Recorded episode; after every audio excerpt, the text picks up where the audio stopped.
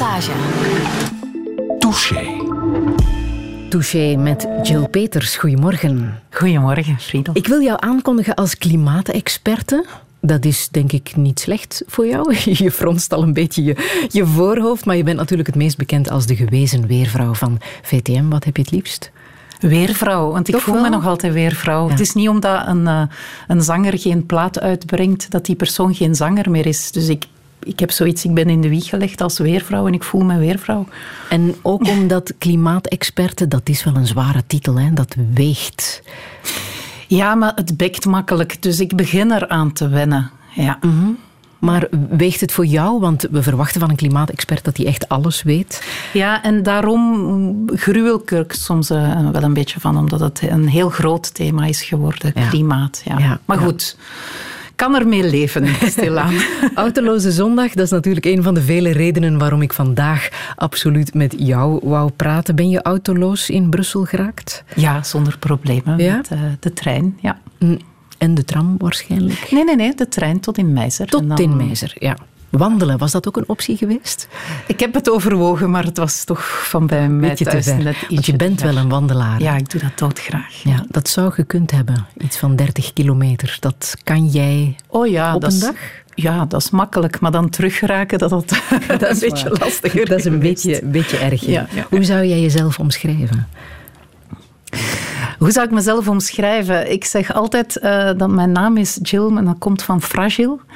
Ehm, ik ben iemand die ehm, enorm van het weer houdt, heel erg geconnecteerd is met de natuur en ook ervan houdt om mensen te inspireren en hen ook te laten verbinden met zichzelf en met de natuur. Ehm, ik ben ook trots op het feit dat ik ergens een, een wetenschappelijke achtergrond heb, dat dat ergens in mij zit. Ehm, dat helpt mij om, om de dingen een beetje gestructureerd te houden. Ik ben ook mama van drie fantastische dochters. Ehm, dat heeft ook mijn leven heel erg veranderd. Ehm, ja, dat is het zo'n beetje, denk ik. Ik las over jou activisten met extremistische klimaatpraat. Ja, ik vind zo klimaatactivisten en extremisten, dat, dat, dat, ja, dat past mij niet. Ik voel mij alvast zo niet. Nee, ik, eh, Word je kwaad als zoiets... eh, Ah, ik word niet makkelijk kwaad. Ehm, maar dat raakt me wel, omdat mijn bedoeling is altijd om de mensen erbij te betrekken en, en, en, en ja, ervoor te zorgen. En, en, en dan vind ik zo extremisme, dat is zo een standpunt poneren en daar dan ja, voor vechten of zo. Maar zo ben ik niet. Ik wil altijd meer in gesprek gaan en, en het gemeenschappelijke zoeken en er iets mooi van maken samen. Ieder vanuit zijn talent en vanuit zijn kennis. En als ik ik daarbij kan helpen met de inzichten die ik heb in de werking van de aarde en de werking van de atmosfeer, dan wil ik daar heel graag in helpen. Om hier nu zo ehm, genuanceerd op te antwoorden, is dat de reden waarom je mediteert? Want dat is wat je zo net ook hebt gedaan hè, voor het interview. Mediteren helpt mij om eh, een bepaalde kwaliteit van aandacht te hebben, om ehm, creatief te zijn, om helder te denken, om niet te spreken vanuit je gedacht, maar vanuit het moment. Het heeft mij ook meer tijd gegeven.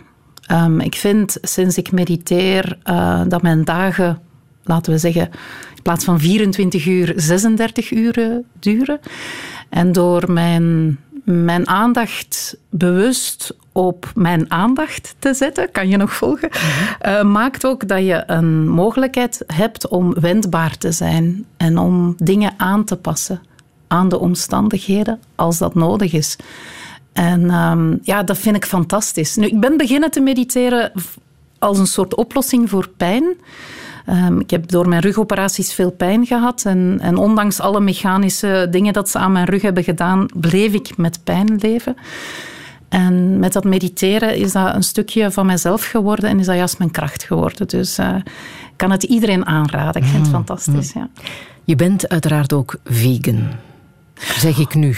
Ja, uiteraard. Ik weet niet dat dat zo uiteraard is. Ja, dat was een stap die ik gezet heb en, en ik voel me daar heel goed bij. Maar ik ben ook daar niet extremistisch of activistisch. En ik was onlangs nog uitgenodigd bij een etentje en die mensen wisten dat niet, hadden dat ook niet gevraagd. En dat hoeft dan ook niet voor mij. En ik heb dan een beetje met lange tanden, maar ik heb dan toch wel een scampietje gegeten.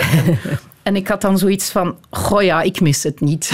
Maar als je het opzij kan laten liggen, dan, dan toch wel. Ja. ja. toch wel. Een boterhammetje met kaas kan ik jou deze ochtend dus blijkbaar niet aanbieden. Nee. Jill Peters, welkom in Touché. Radio 1. 1. Friedel Lassage. Touché.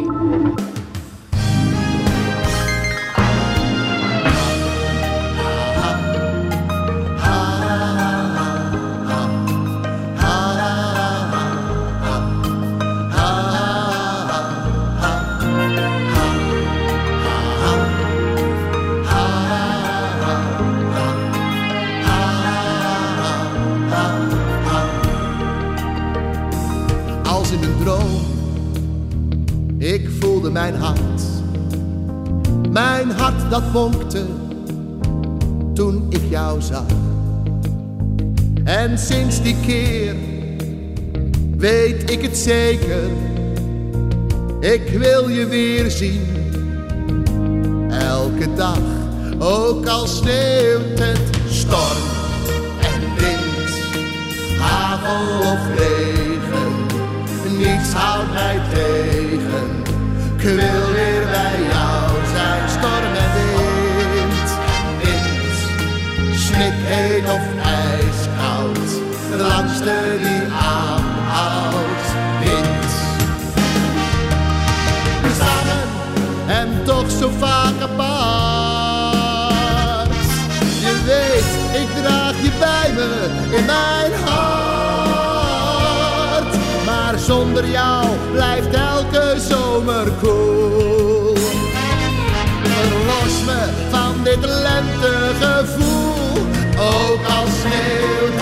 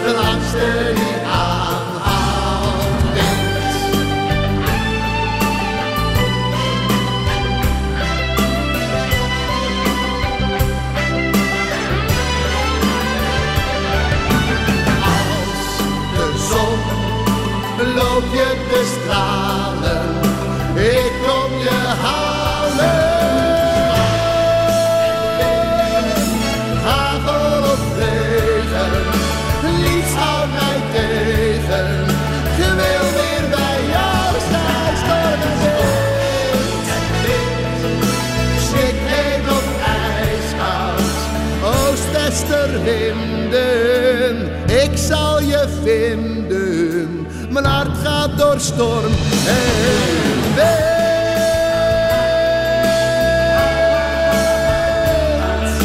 Mijn hart gaat door storm en.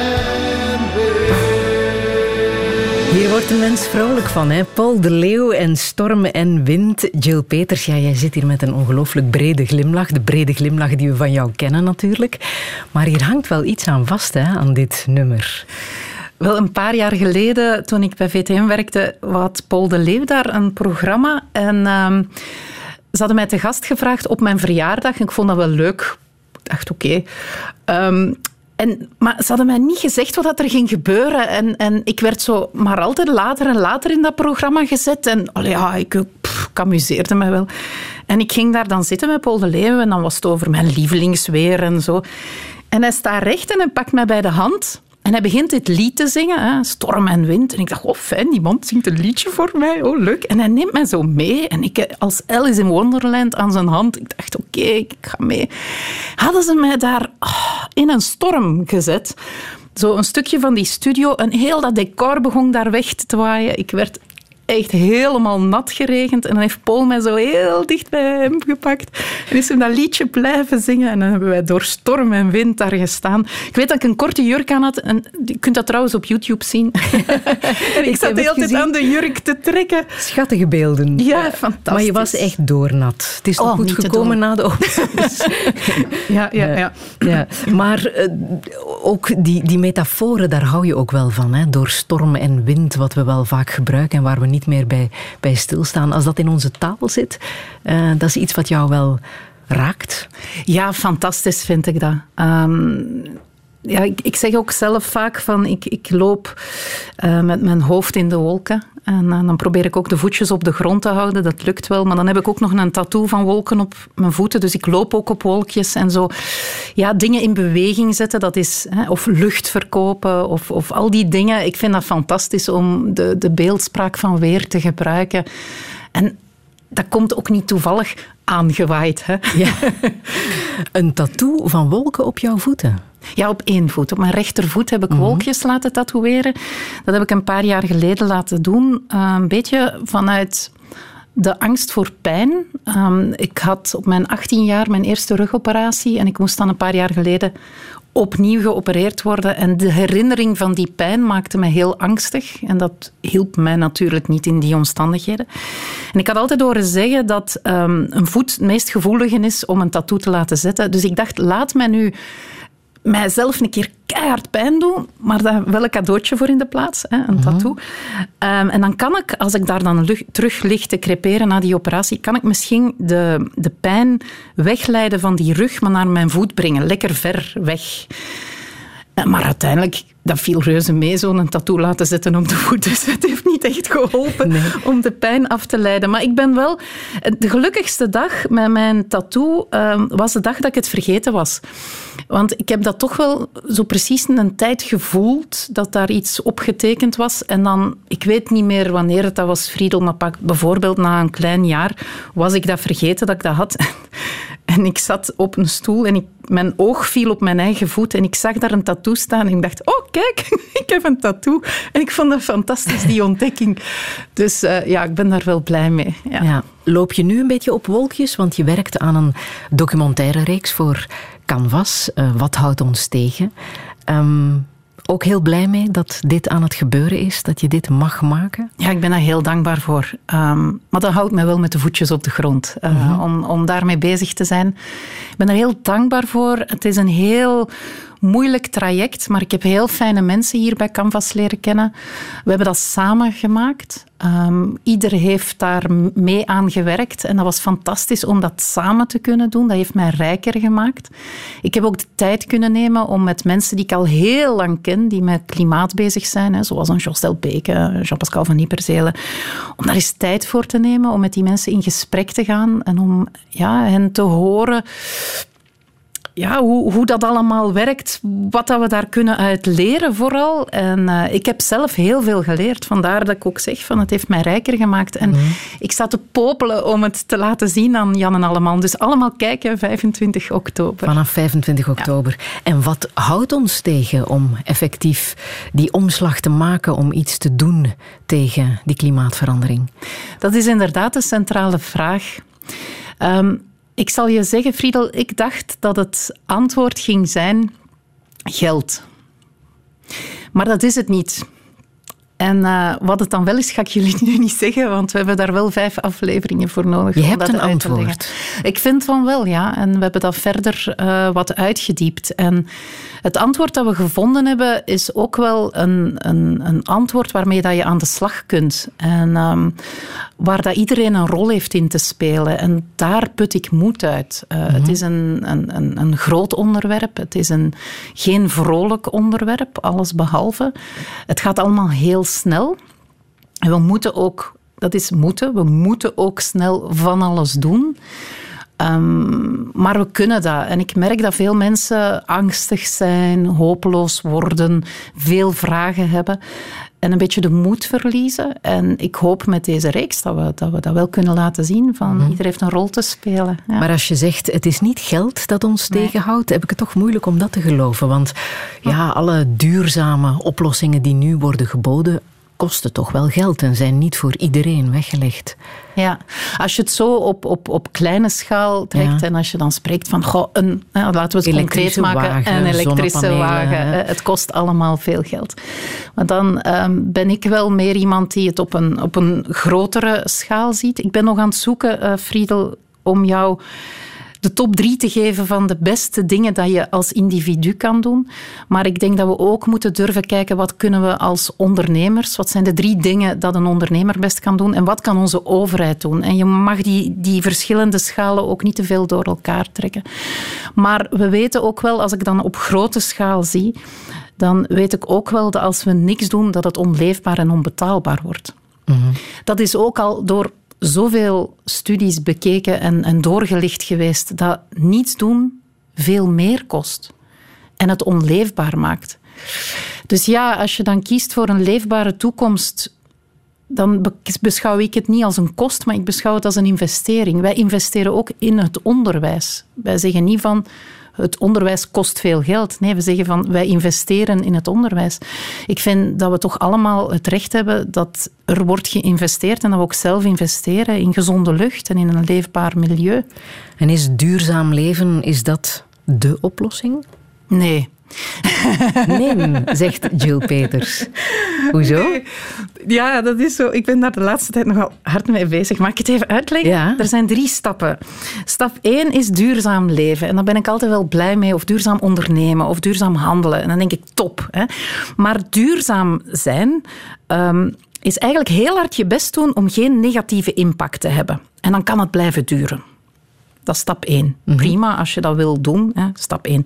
Stap 2 is um, wat we noemen circulair leven. Dat is ervoor zorgen dat je niets uit het systeem haalt, maar je steekt er ook eigenlijk niks in. Dus dan heb je eigenlijk een nul impact. Dat is circulariteit. De derde stap um, is regeneratie. Het is een lelijk woord, ik weet het. Maar goed, regeneratie. Houd even vast. De derde stap is eigenlijk ervoor zorgen dat men, ah, daar moet je ook heel hard je best voor doen, maar dat je een positieve impact hebt. En dat kan. En dat is ook hoe de natuur werkt. De natuur is niet van nature duurzaam. De natuur is niet van nature circulair, maar de natuur is van nature regeneratief. En wat is dat? Alles dat in de natuur sterft, is eigenlijk het begin van nieuw leven. En we zien doorheen de evolutie van het leven dat alles evolueert naar schoonheid. Alles wordt beter, alles wordt mooier. En dat is die positieve impact. En in een snel veranderende wereld gaan we ook heel bewust moeten bezig zijn met het creëren van een positieve impact. Ik geloof heel erg dat dat de rol is van de mens. We hebben een stel hersenen gekregen waarmee dat wij ons dingen kunnen inbeelden. Een boom kan dat niet. Allee, bij mijn weten kan een boom niet een toekomst inbeelden. Wij kunnen dat als mensen. Laat ons dat gebruiken om, om daar iets moois van te maken. Er worden mooie dingen gecreëerd. En daar eigenlijk uit ja, uw potentieel zien van dat dat kan. En dat is eigenlijk regeneratie. Dat is een positieve impact um, creëren. En dat kan je als ondernemer. Um, de dingen niet, niet bezig zijn van ik ga de dingen niet kapot maken. Nee, ik ga, ik ga een mooiere wereld en een positieve impact creëren. En dat kan. Het zal een positief programma worden ook. Wat houdt ons tegen? Als je dat wil. Ja, ja ik hoop het. Ja.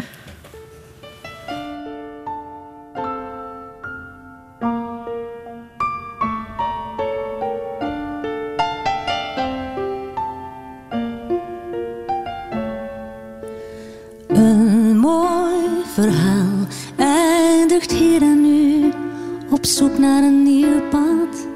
Ik weet niet waarheen, ik liet geen deur op een kier, ik begin op een nieuw blad.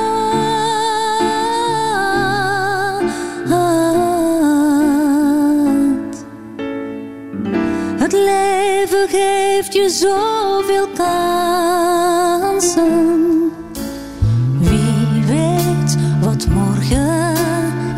Ik wil niet alleen dromen, de zon lacht en zorgt dat mijn hart weer zweeft. Op nieuwe tonen.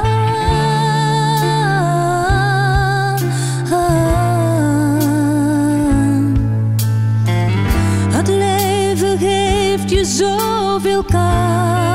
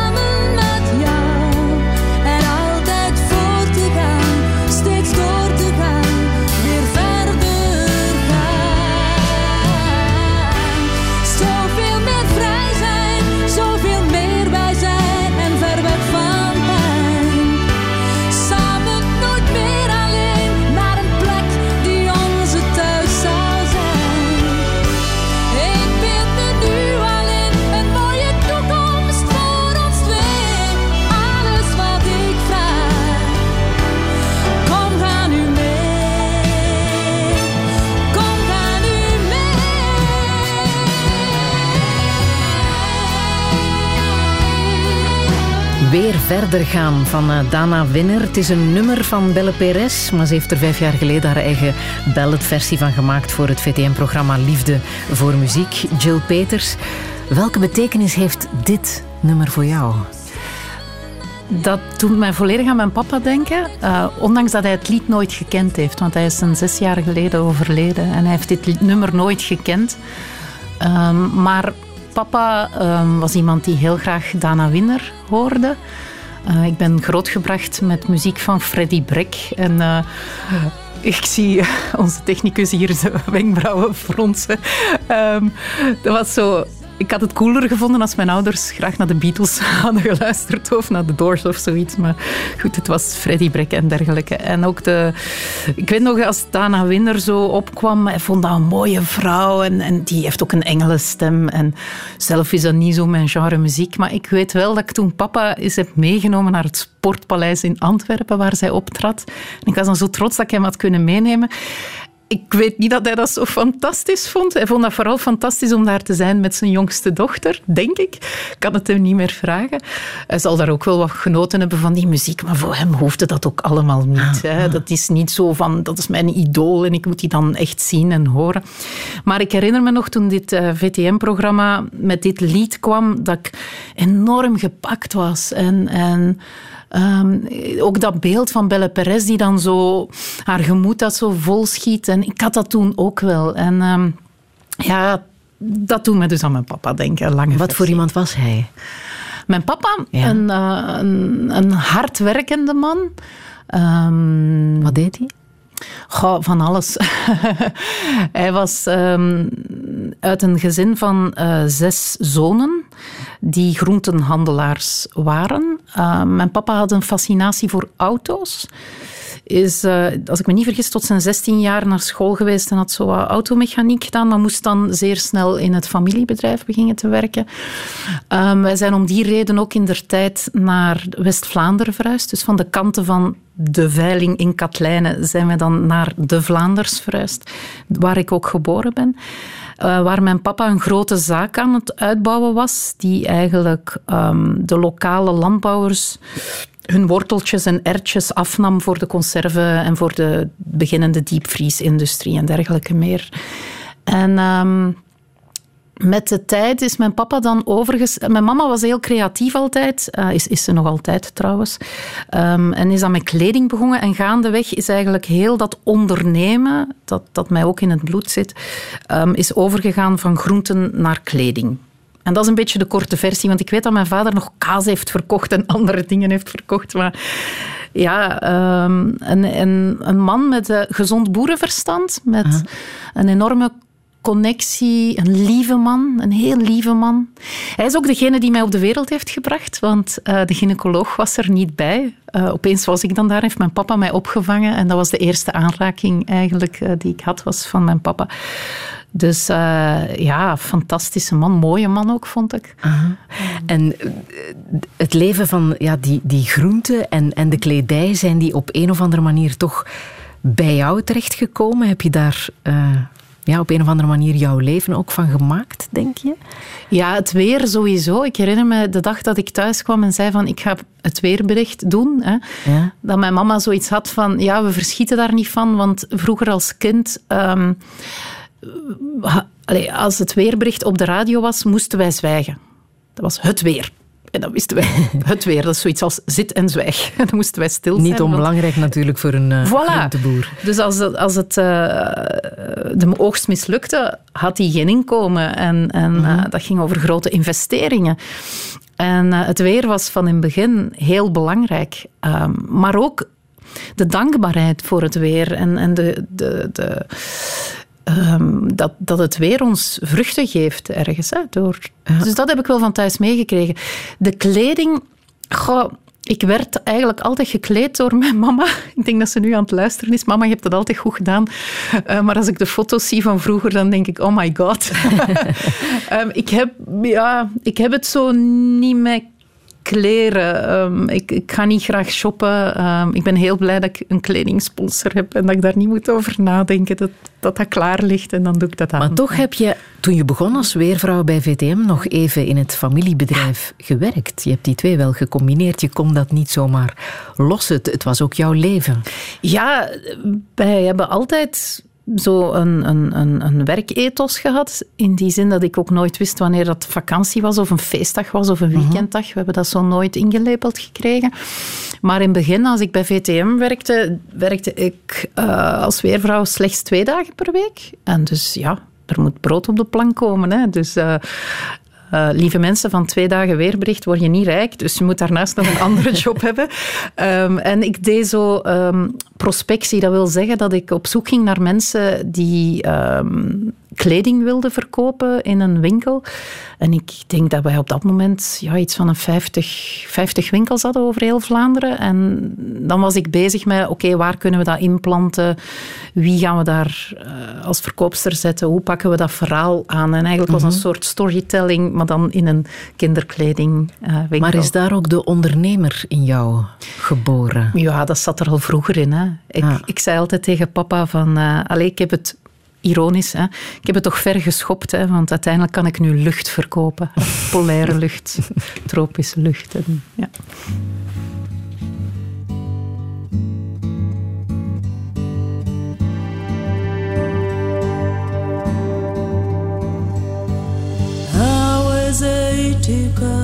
hata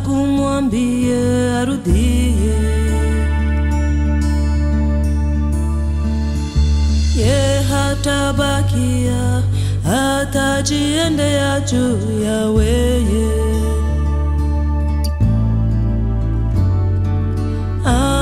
anahangaika juu ya maneno usikie. Wacha nikwambie usiendelee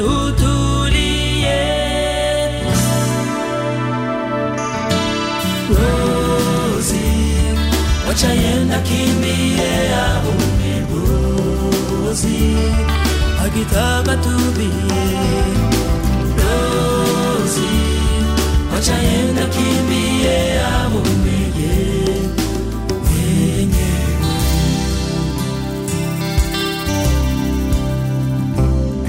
machozi yakeye ni juu ya tabia za kombaya pacha kuzalia watoto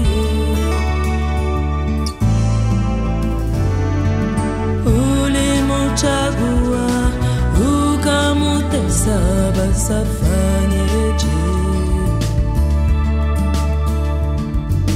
wacha nikwambie ukiendelea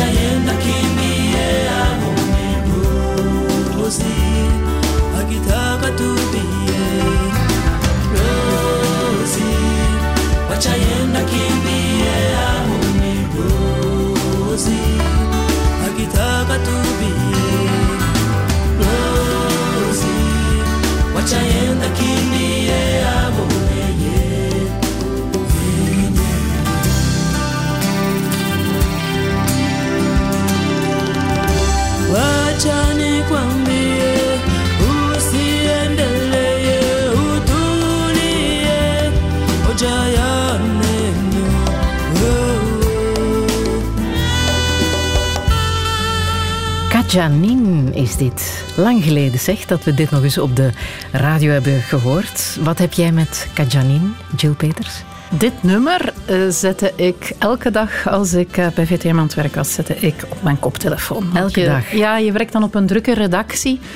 En uh, na de analyse van alle weermodellen en als ik dan echt mij moest focussen op het verhaal dat ik wou brengen, dan zet ik dit op. En die warmte en, en ja, Afrika, hè, dat is... En ik vind ook zo'n mooie vrouw.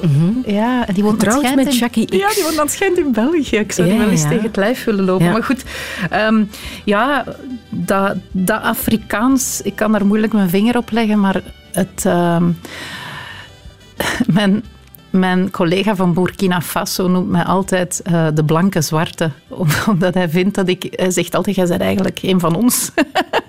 ja, maar En- alleen en ja, hoezo? een beetje bleek uitgevallen. Waarom denkt hij dat? Ja, hij vindt dat mijn, mijn hart op een Afrikaans ritme klopt. Ja. Kan je dat uitleggen? Nee. ik heb, ja, hij weet dat ik daar iets mee heb. En, en ik voel me enorm geconnecteerd als ik daar ben. Ik denk dat dat misschien dat is. Ik, ik heb dat woord nu al een paar keer laten vallen. Hè. Geconnecteerd zijn, verbonden zijn, verbinding zoeken. Dat is voor mij iets heel belangrijk. En ehm, ik heb dat daar enorm. Ehm, en ik, ik moet respectvol zijn om niet te zeggen, ik heb dat daar in Afrika. Want Afrika, ik bedoel, ik ken maar Kenia. Eh, ik heb ook wel eens Ethiopië en Senegal eh, gedaan, bezocht. Maar ook maar een klein stukje. Ik kan niet zeggen dat ik Afrika ken. Maar ik ken wel veel Afrikanen uit verschillende landen. En eh, elk land heeft natuurlijk zijn eigenheid en zo. Dus ik, ik heb het daar altijd wat moeilijk mee. Hè. Mensen zeggen dan van, ja, eh, Brazilië, Amerika, India en Afrika. Maar denk ja, maar en Afrika, dat is zo'n groot continent met zoveel verschillen. Maar daar hangt een... Een, een, ja, een, een verbinding, een warmte, een liefde en schoonheid. Ik vind dat Je hebt gewerkt aan een, aan een project in, in Kenia, hè? een waterproject. Hoe, hoe ben jij daar terechtgekomen? Ehm, de uitgever van mijn klimaatboek in der tijd, ehm Eddy van Gestel, heeft ehm, mij meegetroond eigenlijk naar eh, Kenia, Lake Turkana, dat is een meer helemaal in het noorden, waar eigenlijk de klimaatproblematiek heel hard in je gezicht slaagt. En eh, de dag dat je daar dan mensen ziet vechten om drinkbaar water, dat komt wel binnen. Mama's die water willen voor hun kinderen. En eh, wij hebben toen besloten om een organisatie op te richten om daar drinkbaar water te voorzien. En dat is ons uiteindelijk gelukt. Ik ben dan uit de organisatie gestapt. Ehm, maar ik was in der tijd mede-oprichter. Ik ben dan ondertussen in, vorig jaar in Senegal geweest, waar ik ehm, de Great Green Wall, dat is de grote groene muur die ze aan het bouwen zijn. Eh, dat wordt het grootste levende aaneengesloten organisme dat men gaat bouwen. Ehm, dat is een, een gordel die eigenlijk de oprukkende woestijn ook moet tegenhouden. Het is een herstel van de Sahel, die zich uitstrekt op het breedst van het continent Afrika, van Senegal helemaal tot in eh, Djibouti. Dus 8000 kilometer lang. En dat is een brede gordel waar eh, bomen heraangeplant worden, want vroeger was het er groener, nu is het er heel kaal. En ehm, ja, we moeten dat doen. Ehm, dat is een herstel van wat het was, maar ook een weerbaarheid die we daarmee opbouwen voor het snel veranderende klimaat. En eh, we maken daar een, een, een, een stukje de wereld ook mooier en we helpen daar ook de mensen met Ondernemers Zonder Grenzen. Ehm, dat is een organisatie waar ik eh, als vrijwilliger, zal ik zeggen, heel graag eh, help eigenlijk om eh, dat verhaal ook te vertellen van de grote groene muur. Ja. Je zegt, mijn collega uit Burkina Faso. Ja. Ehm, jij kent heel veel van jouw collega's, hè? weermannen en vrouwen. Hoeveel zijn het er eigenlijk eh, wereldwijd? Heb je daar een idee van? Nee, want in Amerika alleen al heb je er een paar tienduizend weermannen en weervrouwen. Ehm, maar ik heb een organisatie opgericht, die heet Climate Without Borders. En ehm, op dit moment zijn we daar met een 140 actieve leden van een 120 landen. Ehm, de man uit Burkina Faso is Serge. En zo, mijn kinderen worden er gek van, want als wij ehm, ergens naartoe gaan, ehm, dan is het altijd, ja, maar we gaan nog even langs eh, de lokale Jill Peters, noem ik dat altijd, of de lokale Frank de Bozere. Want zo zijn het er niet altijd veel hè, per land. Nee. Eh, Nee, is en een het- vrij unieke job natuurlijk. Ja, en daar hangt in die gemeenschap een enorm grote liefde. Dat is fascinerend. Ik heb daar onlangs nog een gesprek over gehad met iemand van de Verenigde Naties die mij zei... Jullie netwerk, dat is, dat is crazy gewoon. Je komt dat nergens tegen. Eh, Die weermensen tezamen, daar is iets dat hen, hier ga ik weer, verbindt. En dat is die kennis van dat chaotisch systeem dat de atmosfeer is. Ehm, maar dat je nu ziet dat dat zodanig verstoord is dat er doden vallen. En wij hebben daar wel een rol in te spelen, omdat wij op de barricade staan van dat veranderende weer. En wij begrijpen dat systeem vrij goed. En wij kunnen dat in heldere taal wel mensen doorloodsen. Mhm. En, en helpen begrijpen en, en in veiligheid brengen. En wij nemen dat heel serieus. En wanneer is het echt al nuttig geweest om weerman of weervrouw aan de andere kant van de wereld te kennen uh, en te kunnen contacteren? Ik heb um, op de Klimaatop van Parijs een, een vrouw leren kennen een, um, van Fiji. En zij heeft mij toen het verschil uitgelegd wat het, uh, een wereld betekent van anderhalve graad opgewarmd of twee graden opgewarmd. Dat was voor haar eilanden het verschil tussen leven en dood. En uiteindelijk in het klimaatakkoord van Parijs staat er anderhalve graad tot twee graden. Dus dat staat erin. En dat was voor mij een enorm feest. En na de klimaattop, twee maanden daarna, zie ik een orkaan ontstaan op de grote stille oceaan. En die ging richting Fiji. En ik heb haar toen gecontacteerd. Ik zeg, Elisabeth, hè, welke voorzorgen nemen jullie? Want het is toch wel een groot ding dat op jullie afkomt.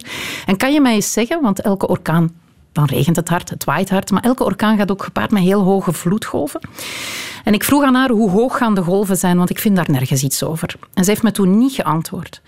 Een paar jaar later zie ik haar terug op een klimaatop. En ik zie haar zo in de massa, want ze was altijd met pacifische blauwe kleren gekleed van Fiji. En zij komt naar mij, Friedel, en ze valt mij in mijn armen. En ze zegt, Jill, je hebt zoveel mensenlevens gered. En ik zeg, je hebt me nooit geantwoord op die mail. En ze zei, nee, maar je hebt mij de juiste vraag gesteld op het juiste moment. Want je vroeg mij hoe hoog gaan de golven zijn. Ze zegt, wij waren op dat moment stilaan bezig met evacuaties. En we waren de mensen richting scholen en kerkgebouwen aan het leiden. Maar niemand had aan die golven gedacht. En ze zegt, door uw opmerking heb ik de lokale autoriteiten kunnen verwittigen. En hebben we geëvacueerd hogerop. En uiteindelijk waren dat vloedgolven van een 7, 8 meter hoog. En de plekken waar ze eerst de mensen naartoe dachten te brengen, die waren er niet meer. En, ze, en dat was, om maar te zeggen, het is, uh, die connectie is enorm en is heel belangrijk. Er zijn in ons land doden gevallen door de overstromingen. Hoe is dat bij jou aangekomen? Heb je je daar machteloos, schuldig over gevoeld? Ik voel dat mijn hartslag op dit moment omhoog gaat. Um, drie dagen voor de feiten zagen we dat aankomen. Um, ik herinner me dat ik de lokale Giro, waarvan ik wist dat hij in die buurt um, op kamp was, heb ik die proberen te contacteren via via. Dat is dan gelukt dat ik iemand van de kookploeg sprak. We hebben de situatie aan bespreken geweest. Ik zeg, kijk, het gaat regenen. Het gaat heel hard regenen. En stel u voor, het gaat heel hard regenen, maar dan nog harder. Het is iets dat je je niet kan voorstellen dat aankomt. Hoe kun je u op het onvoorstelbare voorbereiden? En ik heb hen daar wat in gegidst. En, en uiteindelijk is hun girokamp vlot verlopen. Ze zaten ook niet op zo'n uh, gevaarlijke plek. En dan zie je die beelden en die drama's zich afspelen. En ik heb, ja, dan, dan huil ik um, vanuit een, een machteloosheid. maar heb je dan niet de kans gehad om op een hoger niveau een groter alarm te slaan? Goh, ik ben geen actieve weervrouw in die rol. En ik vind dat ook, mm, ja, ik weet niet. Het is dan vechten tegen wat systemen, maar natuurlijk maak je ook deel uit van een systeem. Je zou kunnen zeggen, ja, stuur dan een tweet, maar wie volgt mij op Twitter? Of, of kunt zeggen, op Instagram post iets, maar ja, wie volgt dat daar? De mensen die er op dat moment nood aan hebben, die um, zouden... Eh, ja, we moeten daar naar kijken. We moeten daar een... Allez, niet een ander systeem bedenken, maar we moeten de koppen bijeensteken. En dat gebeurt op dit moment. Ik weet, mijn collega David de Henau, die uh, ook voor het KMI werkt, die is mee naar oplossingen aan het zoeken. Want, wees gerust, we gaan dit nog vaker meemaken. Onvoorstelbare dingen. Denk aan Pukkelpop tien jaar geleden. We trekken daar onze lessen uit. En we gaan die absoluut eruit moeten trekken. Maar we moeten slimmer zijn dan dat, om omdat we heel goed weten hoe erg het kan worden. En we kunnen daar leren van onze collega's in het buitenland die al dergelijke weerfenomenen hebben meegemaakt. Maar is het dan niet pijnlijk te horen en te lezen dat uh, het vooral op vlak van communicatie uh, fout loopt? Ik merk nu vooral dat de mensen bezig zijn om hun eigen systeem in leven te houden, meer dan om hun postjes en hun verantwoordelijkheden eh, uit te leggen, dan wel dat we vertrekken vanuit de veiligheid van de mensen, de zorg van de mensen. We moeten die logica leren omdraaien en van daaruit vertrekken. En heldere communicatie is daar zeer belangrijk bij. Maar dat ga je niet rekken met, met een tweetje te sturen. Ehm, dus, dus daar moet ja, over nagedacht worden. Um, op, heropgevoed worden. Mensen, opnieuw, als ik even naar Pukkelpop kijk, die wolk die daar aankwam, mocht ik daar op die weide gestaan hebben, ik had mijn en mijn geliefde en de mensen die ik kon in veiligheid gebracht. Omdat als je die wolken kan lezen, wist je dat dat niet goed ging lopen. Maar we kennen dat niet meer. We kunnen geen wolken meer lezen. En dan denk ik, ja, die adviezen van de experten ter zake, moet je niet naast je neerleggen en doe daar iets mee. Maar hoe dat, dat dan werkt, Friedel, daar ben ik nu nog niet aan uit. En, en gelukkig moet ik daar niet het antwoord op geven en moeten we daar vooral met meer mensen rond de tafel zitten. En ik weet via David de Henau dat dat op dit moment gebeurt, dus dan ben ik mhm. weer wat gerustgesteld. Een van jouw grote voorbeelden is ook een weervrouw, hè? Eh, Claire, of gewezen weervrouw, Claire Martin, die in Canada weervrouw is geweest en ondertussen ook expert uh, is in uh, klimaatproblematiek. Ehm, is het ook door haar dat jij de switch hebt gemaakt om nu uh, wat meer met klimaat bezig te zijn? Goeie vraag. Claire Martin is een, een fantastische vrouw. Um, die de taal van het weer gebruikt om de wereld mooier te maken. En opnieuw die zorg van dat verstoorde klimaat om daar iets mee te doen. Zij heeft die rol opgenomen om echt in de politiek te gaan. Zij heeft daar ook op de lijst gestaan, is verkiesbaar geweest en dergelijke meer. Ik heb met haar daar vaak over gesproken, omdat ik ook meerdere keren al ben gevraagd om op hoge plekken, zelfs op de eerste plek te staan van, van lijsten. Mm um, zij heeft altijd gezegd, Jill Doen, het heeft mij altijd wel weerhouden om in de politiek toch te stappen. Waarom?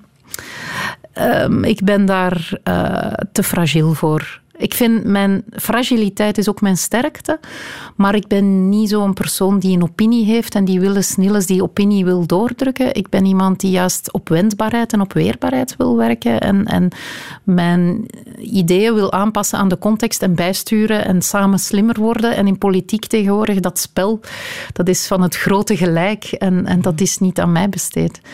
Mhm. um, dus daarom niet. Maar Claire is, um, ja, is fantastisch. Ik, ik leer daar veel van. En, en, en um, zij is absoluut mijn voorbeeld. Ik weet nog de eerste keer dat ik haar zag um, en ik kwam terug van die conferentie, dat mijn mama naar het weerbericht keek, keek en ze zei, amai, er is iets veranderd aan u. En ik dacht, ja, dat is waar, want ik ben een beetje Claire Martin aan het kopiëren, ja? want ik vind die zo goed. En wat, wat deed hij dan? Of uh, waarom is die zo goed? Ik denk dat dat heeft te maken met een soort uh, openstellen voor. En nu ook ja, ergens um, een open communicatie, een heldere taal en een hoopvol verhaal brengen. Mm -hmm. Ondanks alles. Ondanks de vele regen en de zogenaamde slechte zomer die we achter de rug hebben, toch altijd een beetje zelf het zonnetje in huis zijn. Mm -hmm. En zij heeft me terug doen beseffen waarom dat ik die job zo graag doe als weervrouw. Ik heb, ik, ik heb dat altijd graag gedaan en ik voel me nog altijd weervrouw. Maar ik vind dat fantastisch dat je uh, in de mensen hun leven een zonnetje kunt laten schijnen als ze het maar zien tussen de wolken. En dat vind ik fantastisch.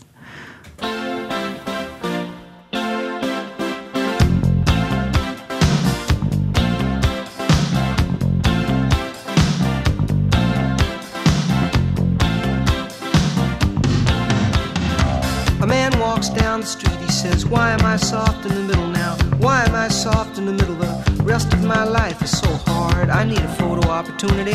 I want a shot at redemption. Don't want to end up a cartoon in a cartoon graveyard. Bone digger, bone digger, dogs in the moonlight. Far away, my well lit door.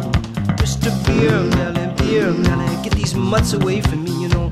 I don't find this stuff amusing anymore. If you'll be my bodyguard, I can be your long lost pal. I can call you Betty, Betty. When you call me, you can call me out. A man walks down the street, he says, Why am I short of attention? Got a short little span of attention, and oh, my nights are so long. Where's my wife and family? What if I die here? Who'll be my role model now that my role model is gone? Gone. He ducked back down the alley with some uh, roly poly little bat faced girl. All along, along, there were incidents and accidents, there were hints and allegations. If you'll be my bodyguard, I can be your long lost pal. I can call you daddy,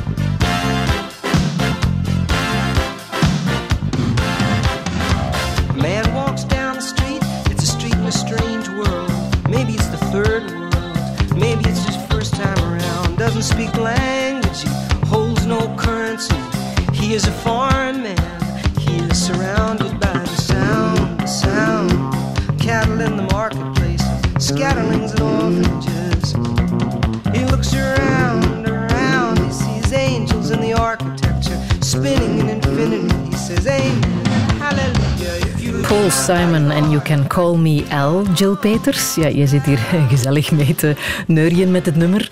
Waarom wou je dit laten horen? Ja, Graceland. Ik herinner me nog waar ik stond op het moment dat ik voor het eerst die plaat zag en hoorde. Ja. ja. Ik kan er eigenlijk heel veel over vertellen. Ehm, twee dingen. Ik, ik, ik had vroeger een hekel aan Engels. En wij moesten voor de leerkracht Engels in Humaniora een lied kiezen en dat helemaal vertalen. En ik had toen dit nummer genomen en dat was niet evident. Maar sindsdien kan ik het wel woordelijk meezingen en ben ik er wel trots op. En sindsdien ben ik ook van Engels gaan houden.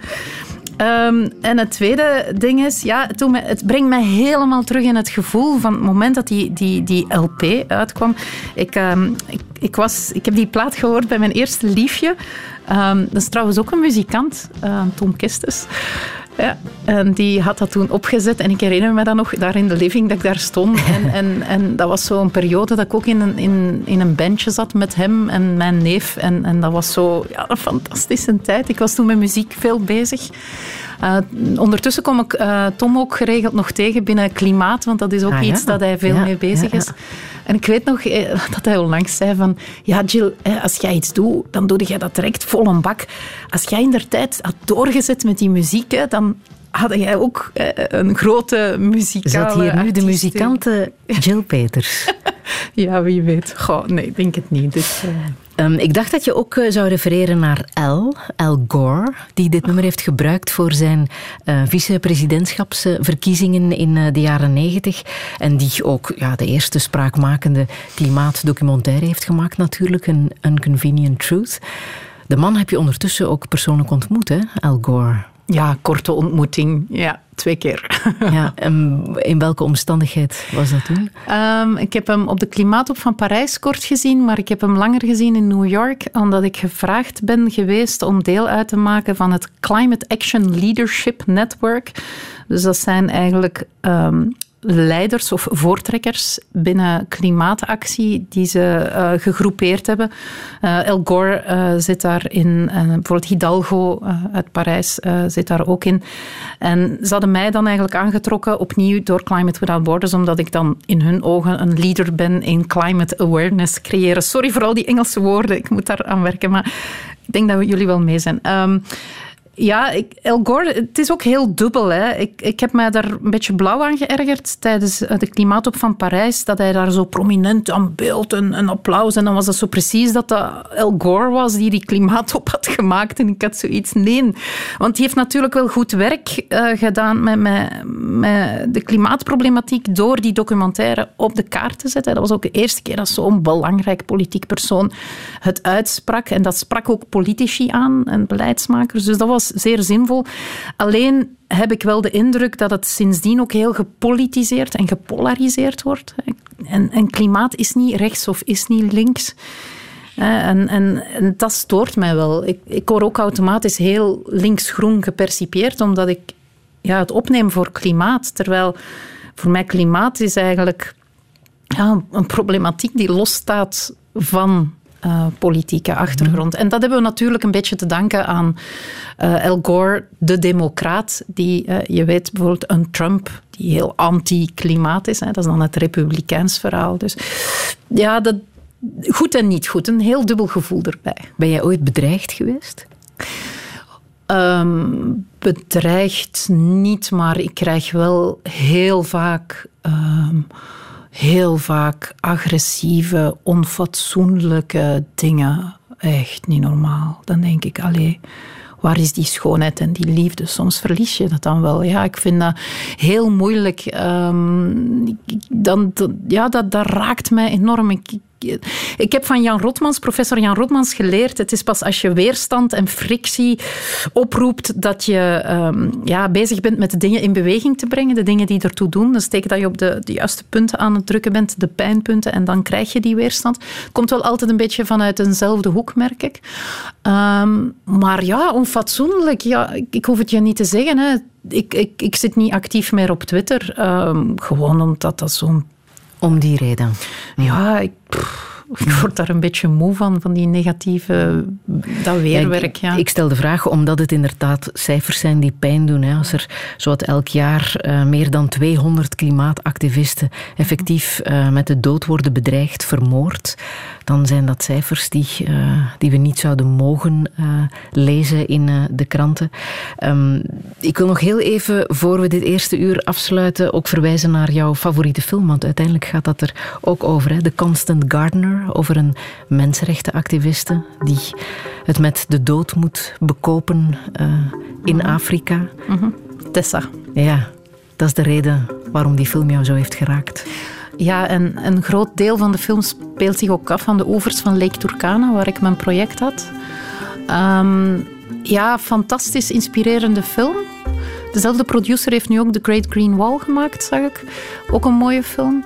Het gaat ook over vrouwen op een of andere manier um, mm-hmm. zijn mijn grote voorbeelden ook altijd vrouwen die um, ergens toch de kracht in zich hebben om op te komen voor te zeggen van lieve mensen, dit klopt niet. Uh, dit systeem klopt niet. Dit, dit, dit uh, mag niet. En mm-hmm. In dit geval, Tessa, um, het hoofdpersonage van de film, komt eigenlijk op tegen het gebruiken van de zwarte in de sloppenwijken voor medicatie uit te testen. Ah. En ja, dat is afschuw, afschuwelijk gewoon wat dat daar gebeurt. Ja. De film is nog te zien op Netflix. Is dat? Het is een aanrader, The Constant Gardener. Mooie muziek ook. Een tip van uh, Jill Peters. En dit is inderdaad muziek uit die film.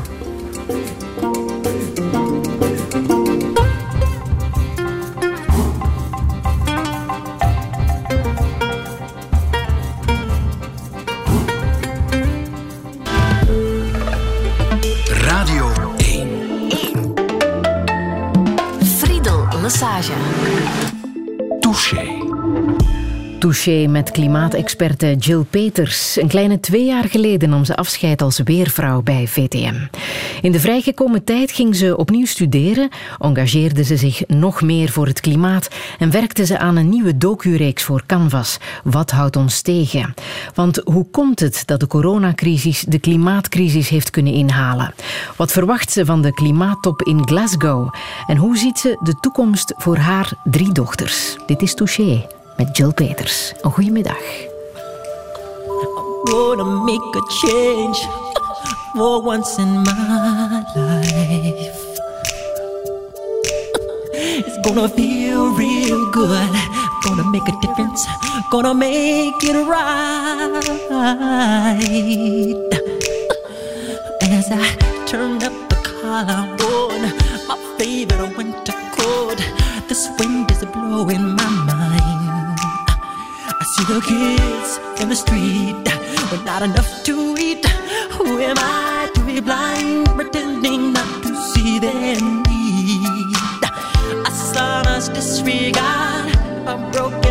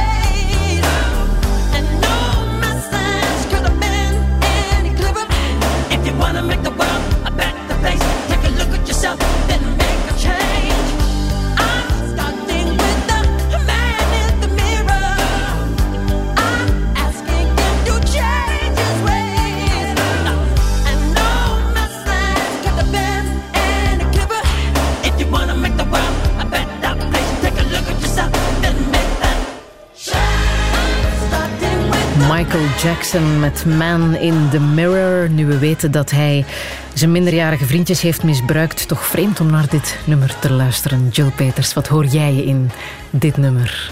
Ik heb daar niet aan gedacht in die paar minuten dat dit nummer speelde. Nee? Het bracht mij terug naar Michael Jackson op de weide in Werchter in der tijd met de Tour van Bijt. Ehm, ik had een Nederlandse vriendin die mega fan was van Madonna. En die kreeg van haar Hollandse mama allemaal van die boekjes die dat zij dan alles van Madonna uitknipten en plakten en verzamelden.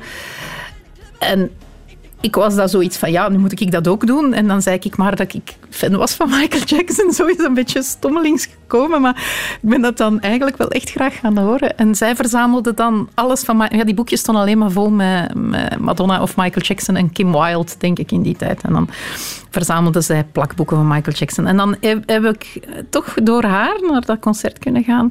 En ik herinner me vooral dit nummer, en niet zozeer omdat hij dat zong, maar omdat daar een vrouw stond, en redelijk achteraan in de massa, en die ging zo op in dat nummer met haar ogen dicht. En ik vond dat zo mooi om die vrouw daar te zien opgaan in dat nummer.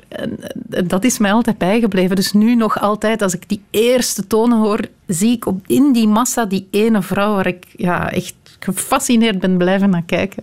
Het is een boodschap die jij meegeeft. Hè? Kijk in de spiegel, make that change. Dat is hopelijk ook de boodschap die op de klimaattop in Glasgow zal uh, door, uh, doorcijpelen. Um, wat verwacht je? Uh, want wordt het een heel belangrijke klimaattop. Hè? Maar het, is, het is de ene klimaattop na de andere. Elk jaar heeft dat dan één hoogtepunt. Hè, tijdens in dit geval de, de klimaattop in, in, um, in Glasgow. Wat verwacht ik? Um, het is heel dubbel. Mensen denken dat dat ene moment dan dat moment is waarop alles moet gebeuren voor klimaat. Dat is een heel lange voorbereiding. Dat is eigenlijk een continu proces. Die is één keer in het jaar de grote algemene vergadering. Dat is het maar. Het is een grote algemene vergadering. Nu is het wel zo, er is um, een maand geleden zoiets zeker een nieuw wetenschappelijk rapport uitgekomen. En daarin hebben we nog eens een keer naar de, aan de wetenschap gevraagd van hoe zit het nu hè, met de stand van zaken, met het klimaat. En dan zie je dat er vijf uh, toekomstscenario's voorliggen, hè, afhankelijk van wat de mens nu gaat doen. En er is maar één scenario, namelijk het scenario waar we heel hard ons best moeten voor doen, dat ervoor zorgt dat de opwarming um, onder de anderhalve graad, twee graden blijft. Alle andere vier scenario's gaan daarover. Dus als we het verdrag van Parijs willen honoreren, dan moeten we heel hard ons best doen. En dan moeten we nu eens kijken van wat ligt er op tafel. En wat er nu op tafel ligt, is niet genoeg. Maar we hebben wel met bijna 200 landen getekend en plechtig op ons communiezieltje beloofd van wij gaan ervoor zorgen dat die klimaatverstoring niet uit de hand loopt. En we gaan dat doen, en dat vind ik de magischste zin van het Verdrag van Parijs. We gaan dit doen volgens de best beschikbare wetenschap. Dus als al die overheden beloofd hebben, we gaan dat doen volgens wat de wetenschap ons zegt wat te doen, ja, dan moeten ze wel heel hard in gang schieten nu. Ik verwacht wel, um, uh, ze willen het in Groot-Brittannië heel erg naar zich toe trekken. Van kijk, wij zijn nu los van Europa, wij kunnen uh, hier een, een, een, leidersrol nemen. We hebben dan natuurlijk president Biden. Dus het gesternte is wel goed in zekere zin, om een paar mensen die hard met de vuist op de tafel willen kloppen, uh, dat die hun stem daar gaan laten horen. We hebben natuurlijk ook ondertussen die grote beweging van jongeren wereldwijd, die dat ook nog eens ondersteunen. Dus een groot groter draagvlak zit er in er ondertussen toch wel aan te komen. Dus ja, ik, ik, ik, ik hou niet zo van het was een mislukte of een gelukte klimaatop weet je, dat is een proces. We zijn daar constant aan aan het bouwen. En, en dit wordt nu zo eens ja, de algemene vergadering. En dan gaan we zien wat de stand van zaken is. En dat is dan hopelijk ook een moment dat ze dan nog eens een keer zeggen. En dan hopelijk ook doen. Van, kijk, we gaan en op welke manier ga jij dat volgen? Ik ga deze keer niet gaan. Um, ik heb daar nu niet echt een rol te spelen. Um, ja, ik volg dat dan wel. Ik lees daar veel over. Ik sta ook in contact met Belgische onderhandelaars, die ook op Europees niveau voor, voor Europa onderhandelen. En via hen blijf ik constant ook op de hoogte. Um, ik wil het wel begrijpen waar de pijnpunten liggen, nu weer een keer. Maar ik maak me er ook niet meer zo druk in. Um, Ik geloof dat overheden, en in dit geval een internationale overheid, wat we toch de VN kunnen noemen, zijn hyperbelangrijk.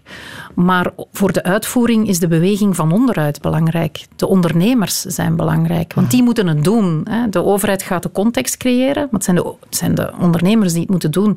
En ik ben op dit moment bezig met eigenlijk die ondernemers te helpen om te versnellen en, en om hen te helpen ervoor te zorgen dat dat klimaat niet verder uit de hand loopt. En daar ben ik meer mee bezig op dit moment. Om die vertaalslag te maken van dat grote kader dat, dat daar op tafel ligt. Het verdrag van Parijs, de European Green Deal. Dat zijn allemaal zo van die grote, logge dingen. Maar wat betekent dat nu voor mij als ondernemer? En hoe kan ik daarin ja, een positieve impact creëren en van betekenis zijn? En, en wat is mijn verantwoordelijkheid ook? Dus met die dingen ben ik meer bezig, met de uitvoering.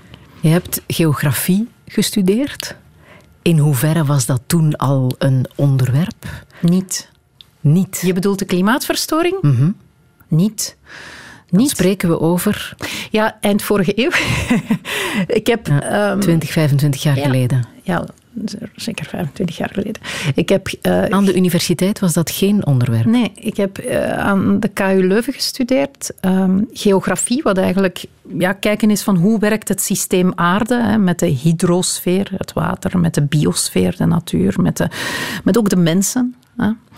Ik heb me dan gespecialiseerd in de atmosfeer. Dus dat was het systeem aarde. En we hebben dan zo leren van hoe dat, dat allemaal samenwerkt en hoe dat ook alles samenwerkt. Um, in mijn cursus weerkunde.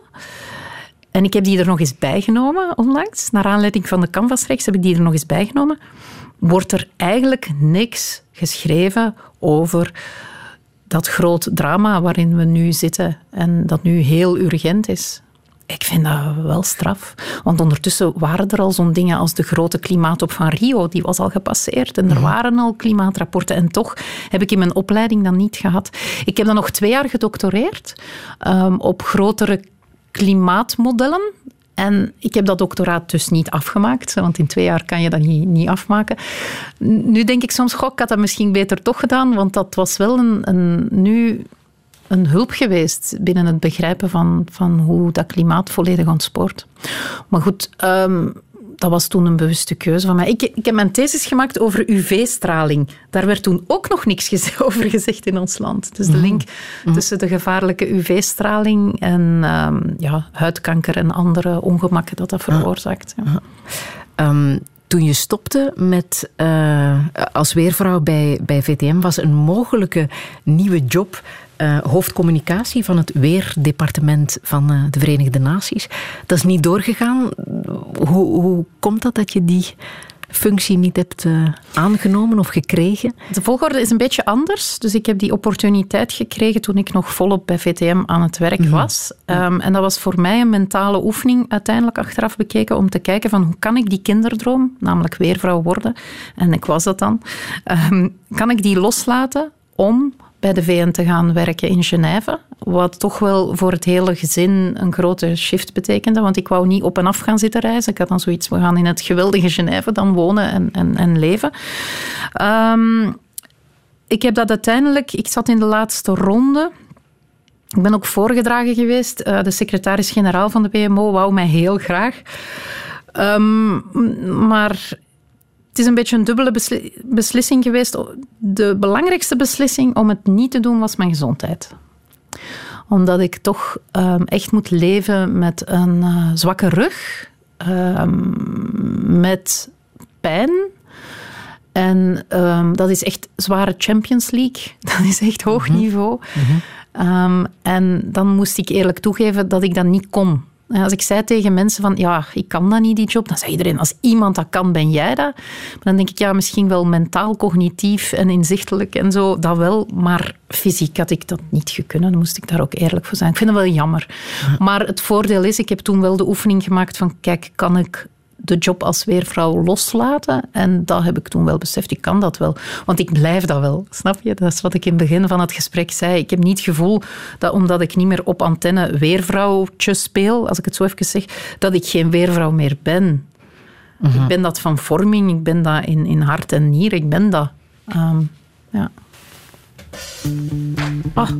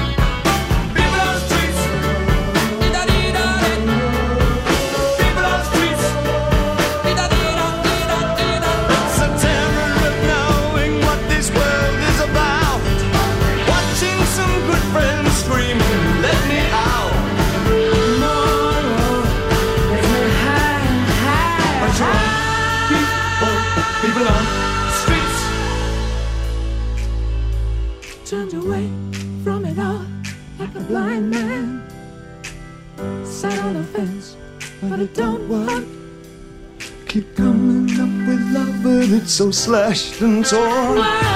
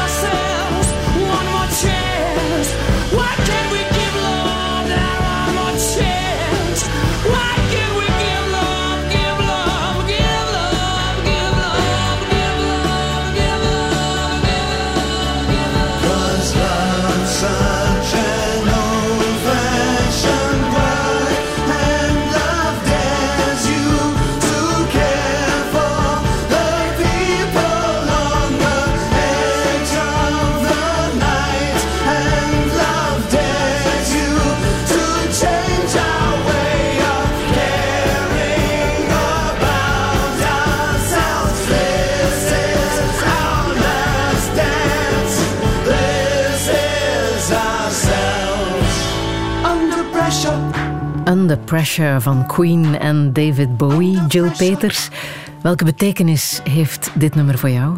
Dat past bij alles. ja. Als ik mezelf moet oppeppen, zet ik het op. Als ik een beetje nostalgisch, vrolijk n'importe. Ik vind dit zo'n fantastisch nummer. Ja. Alles wat te veel onder spanning staat, knapt vroeg op? Ja. Is dat bij jou ook gebeurd? Ja, dat is eh, ooit eh, wel eens gebeurd, ja, ja. Maar dat zijn ook de mooiste lessen, hè? als je ehm, daar bewust ook doorheen gaat en je daar ook niet van afzet. Dat is voor mij het grootste dat ik erin geleerd heb, van als je diep gaat, ehm, als je pijn hebt, als het licht uitgaat, dat eh, je één laten helpen en twee, dat ook ja, ergens bewust beleven en dan kan je daar echt wel grote stappen mee vooruit maken. Ik, ik beschouw het een beetje als... Ik, ik hou het er enorm van om in de bergen te kunnen gaan wandelen. En dat is even door een diep donker dal gaan om, om dan terug de berg op te gaan. En wetende, als ik hierop zit, dan zal ik wel nog eens naar beneden moeten. Maar, dus ja, under pressure. Dat is ook nu... We, we staan ook allemaal onder druk. En we houden ons heel hard vast aan van alles en nog wat. Ehm, ik begrijp dat. Maar in een zeer snel veranderende wereld gaan er nog heel veel dingen stuk gaan en breken. Dus ik, ik ben nu niet meer bezig, zeg ik altijd, met het weer, maar met weerbaarheid. Het is trainen op die weerbaarheid, op die wendbaarheid. Ben jij boos geweest op het feit dat jij rugpatiënt bent? Want dat is iets dat toch al vaak jouw plannen heeft gedwarsboomd. Hè? Boos geweest, ongetwijfeld. Ik zal wel momenten gehad hebben dat ik daar heel hard van aan het balen was. Wat- Ehm, wanneer is dat begonnen, die rugpijn? Op mijn 17 jaar. En ik heb mijn eerste rugoperatie gehad op mijn 18e. Ik zat toen in zesde humaniora. Ehm, ik wil dat even kort vertellen. Ik, ik ben nogal iemand die graag een beetje regisseur speelt. We hadden toen de 100 dagen en, en we hadden ehm, in het MMT in Mechelen kregen we dan het podium en dan mochten we met de zesdes een, een opvoering doen. En ik hou nogal van musical en theater en al die dingen. En hadden we daar een mooie show in elkaar gestoken. En ehm, ik denk twee weken later ging het niet meer bij mij. En, en had ik veel pijn. En dan na wat omwegen bleek dat ik moest geopereerd worden. Maar ik ben toen niet meer naar school geweest. Vanaf die, die laatste honderd dagen heb ik niet meer meegemaakt. Ik ben dan uiteindelijk in Gent geopereerd geweest. Om vanuit Mechelen naar Gent, dat was wel wat. Hè. En dat was ook voor dat er een gsm en zo bestond. Dus je komt daar in een, in een ziekenhuis, je hebt veel pijn, eh, heel heftig. En in die veertien dagen ziekenhuis ehm, is er toen niemand van mijn klas mij komen bezoeken. En op je 18 jaar is dat wel heftig. Ehm, en ik heb toen ook in totaal een jaar plat gelegen. Dat was toen nog zo. En nu word je na één uur je bed uitgestuurd. En toen, eh, ik lag 14 dagen in een ziekenhuis en dan ging ik naar de universiteit. En iedereen zei, ook mijn zus, van je gaat dat niet kunnen, UNIF, en dat is te moeilijk. Ik had zoiets, ja, en toch ga ik dat doen, want ik wil weervrouw worden. Dus ik ben dan geografie en meteo gaan studeren. Maar ik heb mijn eerste jaar aan de op een bedje gelegen. Dan kun je zeggen, ja, dat is erg. Ja, dat was niet fijn, maar ja, dat heeft ook absoluut gemaakt tot wie ik ben. En ik ben daar ook wel dankbaar voor. Ik had, dan, ik had hier nu niet gezeten als ik niet eh, dat allemaal had meegemaakt. Ehm, dat is ook iets uit mijn opvoeding, denk ik, van eh, uw verantwoordelijkheid nemen voor uw eigen daden en uw ding doen en, en, en het niet op een ander steken. Ook mijn genezing uiteindelijk. Hè. Die chirurgen hebben mij paar jaar geleden opnieuw twee keer geopereerd. Ik heb nu vier vastgezette wervels. Ik heb dertien bouten in mijn lijf. Ik ben langs vooropen gesneden geweest, langs achteropen gesneden geweest voor die rug. Ik heb heel lelijke littekens. Ja, ik vind dat stom. Ik heb een lelijke rug. Ik vind dat echt niet mooi. Maar ja, dat maakt wel tot wie ik ben. En ehm, ja, dat maakt ook dat ik veel meer met, met zorg bezig ben, met, met aandacht bezig ben. Dat ik misschien ook een beetje begrijp als mensen afzien wat dat, dat kan betekenen. Ja. Ja. Is dat de reden geweest waarom je die tekst van Bernard de Wulf hebt meegebracht? Een hele mooie column die je heeft geschreven voor eh, de krant. Misschien moet je hem eerst eens lezen. Ja. Het is een fragmentje. Hè. Hij schrijft elke week in de standaard eh, magazine. Heeft hij daar een volle pagina, maar hier is een stukje uit. Een normale mens heeft twee Achillespezen. Ik heb er drie. Intussen, een half leven later, speelt één van die twee hielen weer op. Een oude wonde, zegt de nieuwe chirurg. Ik moet de pees eraf halen, vervolgt hij, en ze er weer aannaaien. Ik zit vol oude wonden. Wie niet? Maar ik ben ze beu. Ik heb ze gehad. De openste oude wonde is mijn derde Achillespees. De ziel. Met chirurgen moet je niet lachen. Dus heb ik hem niet gevraagd. Kunt u die misschien ook niet eens losmaken en weer aanhechten? Als ik daar dan toch verdoofd lig. Een beetje vastere ziel. Ik zou ervoor tekenen. Het wordt tijd. Maar het is te laat. Ik ben ermee geboren. De ziel is geen pees. Wat ze wel is, weet ik niet. Het is niet eens een lichaamsdeel. Dat wisten de oude Grieken ook al. Maar de ziel is wel mijn Achillespees. En dat maakt me chronisch kwetsbaar. Zeker voor de zogezegd onkwetsbare. En uiteraard, hoe meer men het eerste is, hoe vaker men de laatste tegenkomt. Vleugellamme vogels voor de kat. Ik zie het met de jaren steeds vaker gebeuren. Geleefde zielen die als een slak terug in een ouderende huis kruipen, verdwijnen in hun laatste drukte. Hun binnenmuur drie lagen latex geven, nog slechts walsen om zichzelf.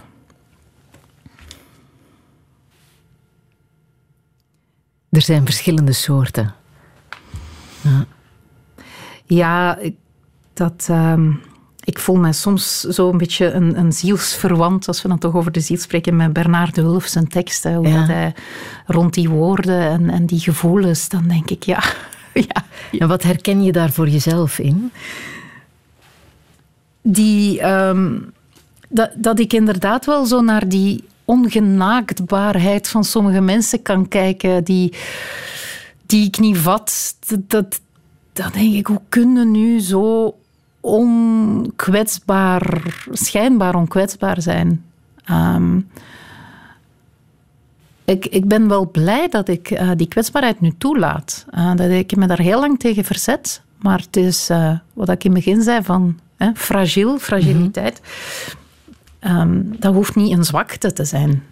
Dat kan juist een, een grote sterkte zijn. En, ehm, en aanvaarden dat dat is wie je bent, eh, dat geeft juist een heel sterkte, vind ik. Eh, maar ik blijf het ongelooflijk vinden. ehm, het is ook vaak iets masculien dat ik ontbreek. Zoiets, het mannelijke, ego, ongenaaktbare. Ik kan daar soms met verwondering naar kijken. Ik zeg niet bewondering, heel bewust, maar met verwondering. Van hoe, hoe doen die mensen dat? Maakt dat meer een, een persoon? Een, een, een, ik weet het niet. Is dat de reden waarom je ook opnieuw bent gaan studeren? Want je hebt eh somatopsychopedagogie eh, gestudeerd. Ja. Wat leer je daar precies? Ehm, daar leer je veel dingen. Ehm, wat ik daar vooral uit leer is eh, de verbinding, daar gaan we weer, lichaam-geest, geest-lichaam. Ehm, dat je eigenlijk, dat heel veel mensen buiten zichzelf leven. En dat het heel mooi is om, om ja, terug bij jezelf te, te komen en of, of jezelf te vinden. En ik heb daar technieken geleerd. Het is ook een pedagogie. Ik ben geen therapeut of zo, hè, maar eh, het is een pedagogie ehm, die eigenlijk mensen... Ik kan nu mensen aanleren om eh, meer tot zichzelf te komen door onder meer meditatie, maar ook door een bewegingsleer en door een manuele therapie. En sommige mensen kennen misschien de fasciatherapie. Het is een beetje fasciatherapie light version dat ik eh, gestudeerd heb. Trouwens, als je nu luistert en je bent kinesist en je weet niet wat je met je leven qua zinvols moet aanvangen, ga vooral fasciatherapie uh, leren, want uh, je kan heel veel mensen in beweging brengen. Ik heb dat eigenlijk gedaan vanuit mijn interesse van hoe ik met mijn eigen pijn ben leren omgaan en mm -hmm. met wie ik ben. En dat heb ik geleerd van de fasciatherapie en van die somatopsychopedagogie. En ik wou dat ook kunnen. En ja. kan ik dat wel. Ja, en, en wat gebeurt er dan? Wat, wat uh, is het effect? Uh, kan je dat uitleggen? Um, ik ben minder angstig geworden. In mijn geval was dat vooral een effect. En um, ik heb meer tijd en ik ben wendbaarder. Um, dat zijn woorden dat ik al eens een paar keer heb laten vallen, mm -hmm. maar ik ben minder angstig geworden. En dat is mooi. Mm. ik, ik durf meer mezelf te zijn en te zeggen van dat is oké. Okay. En mij ook, ook echt zo te voelen.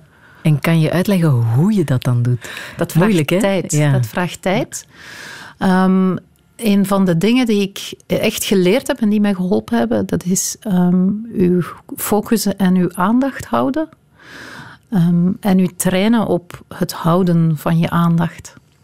Dat is een sport hoor. Mm -hmm.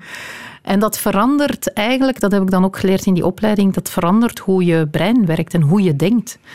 Dus het is eigenlijk ervoor kiezen om anders naar de dingen te kijken en anders te denken. En dat kan je met die technieken van onder meer meditatie, maar ook die, die manuele technieken van de fasciatherapie. Mm -hmm.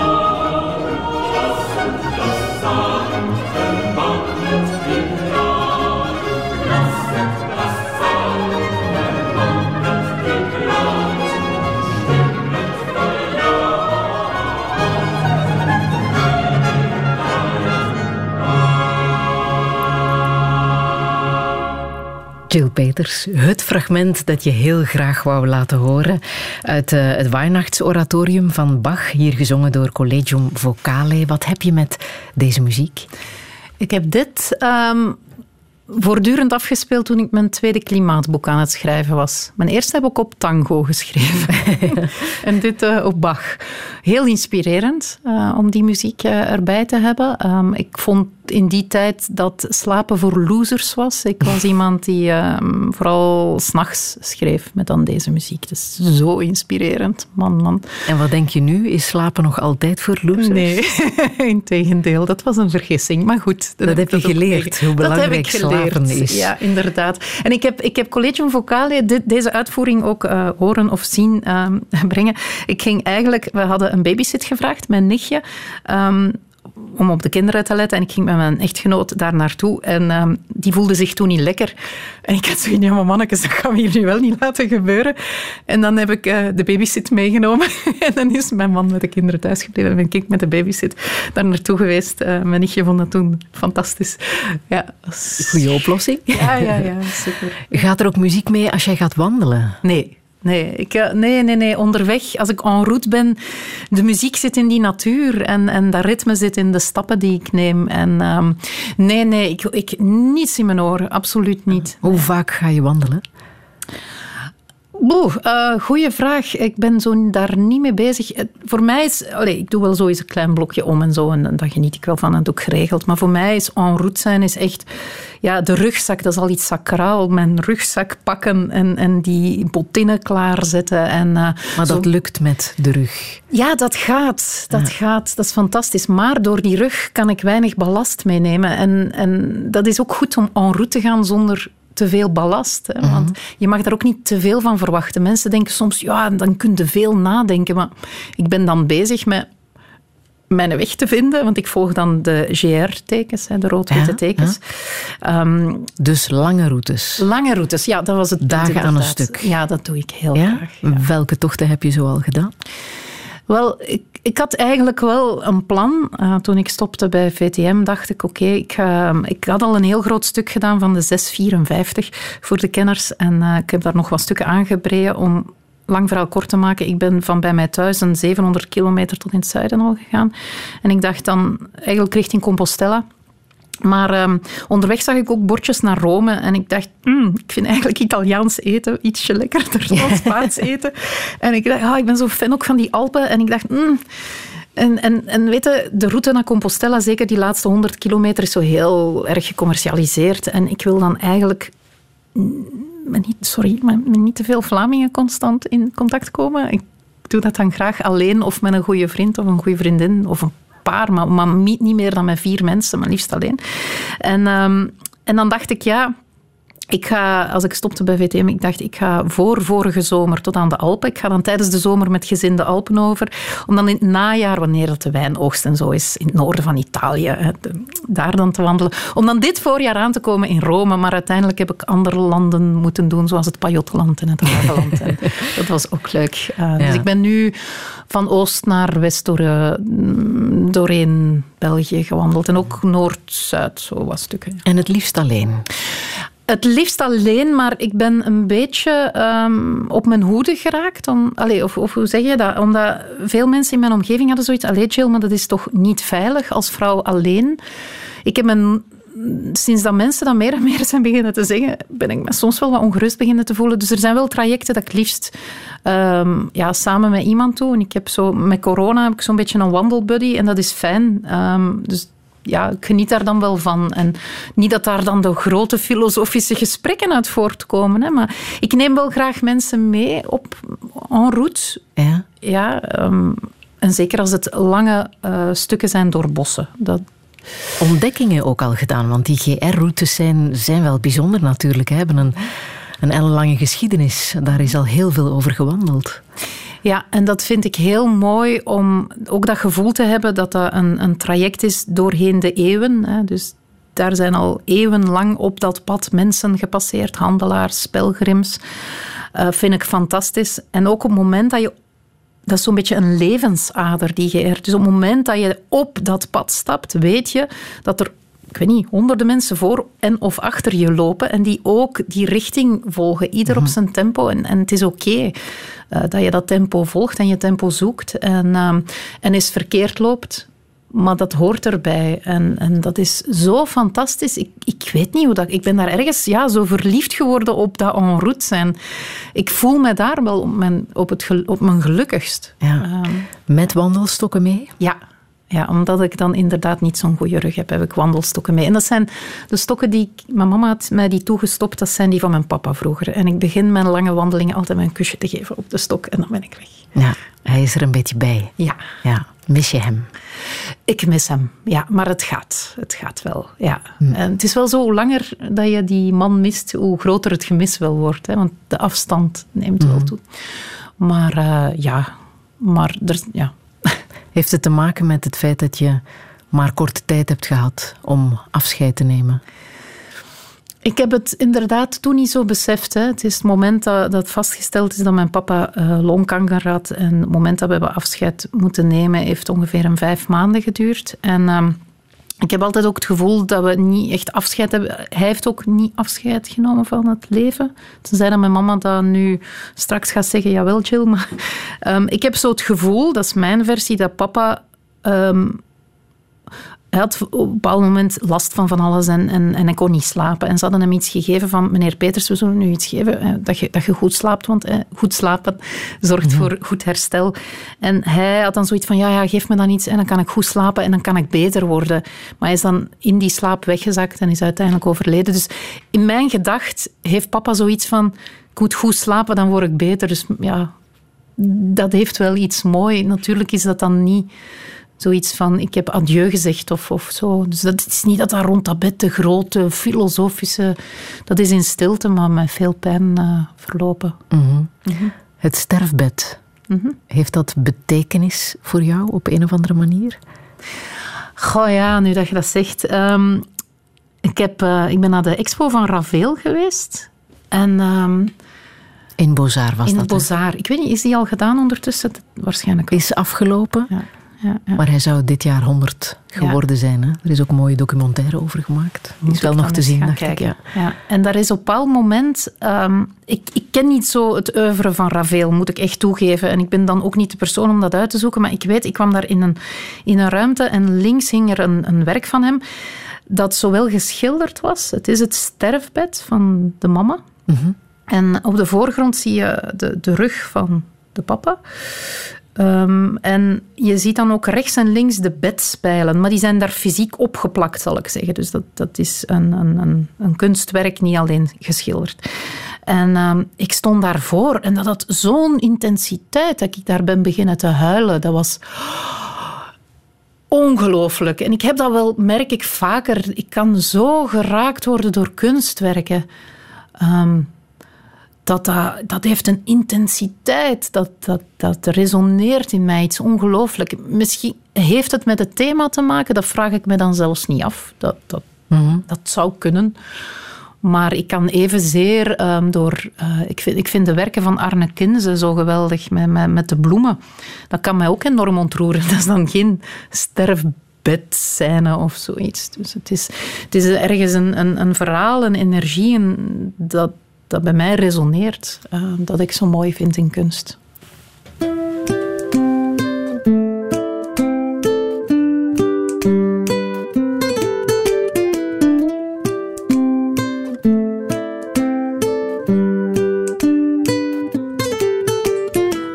The suits travel. We'll step out the borders. The being just clubbers will fly to another place. Danny Pizza, where everybody live and care for the others.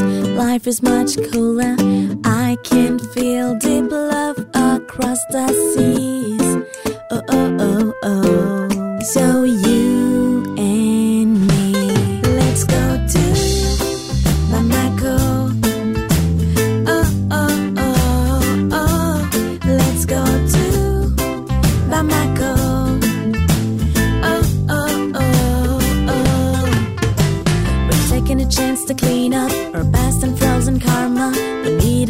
shelter. We're gonna do some yoga and dance in Africa, where everybody live in peace And a neighbor.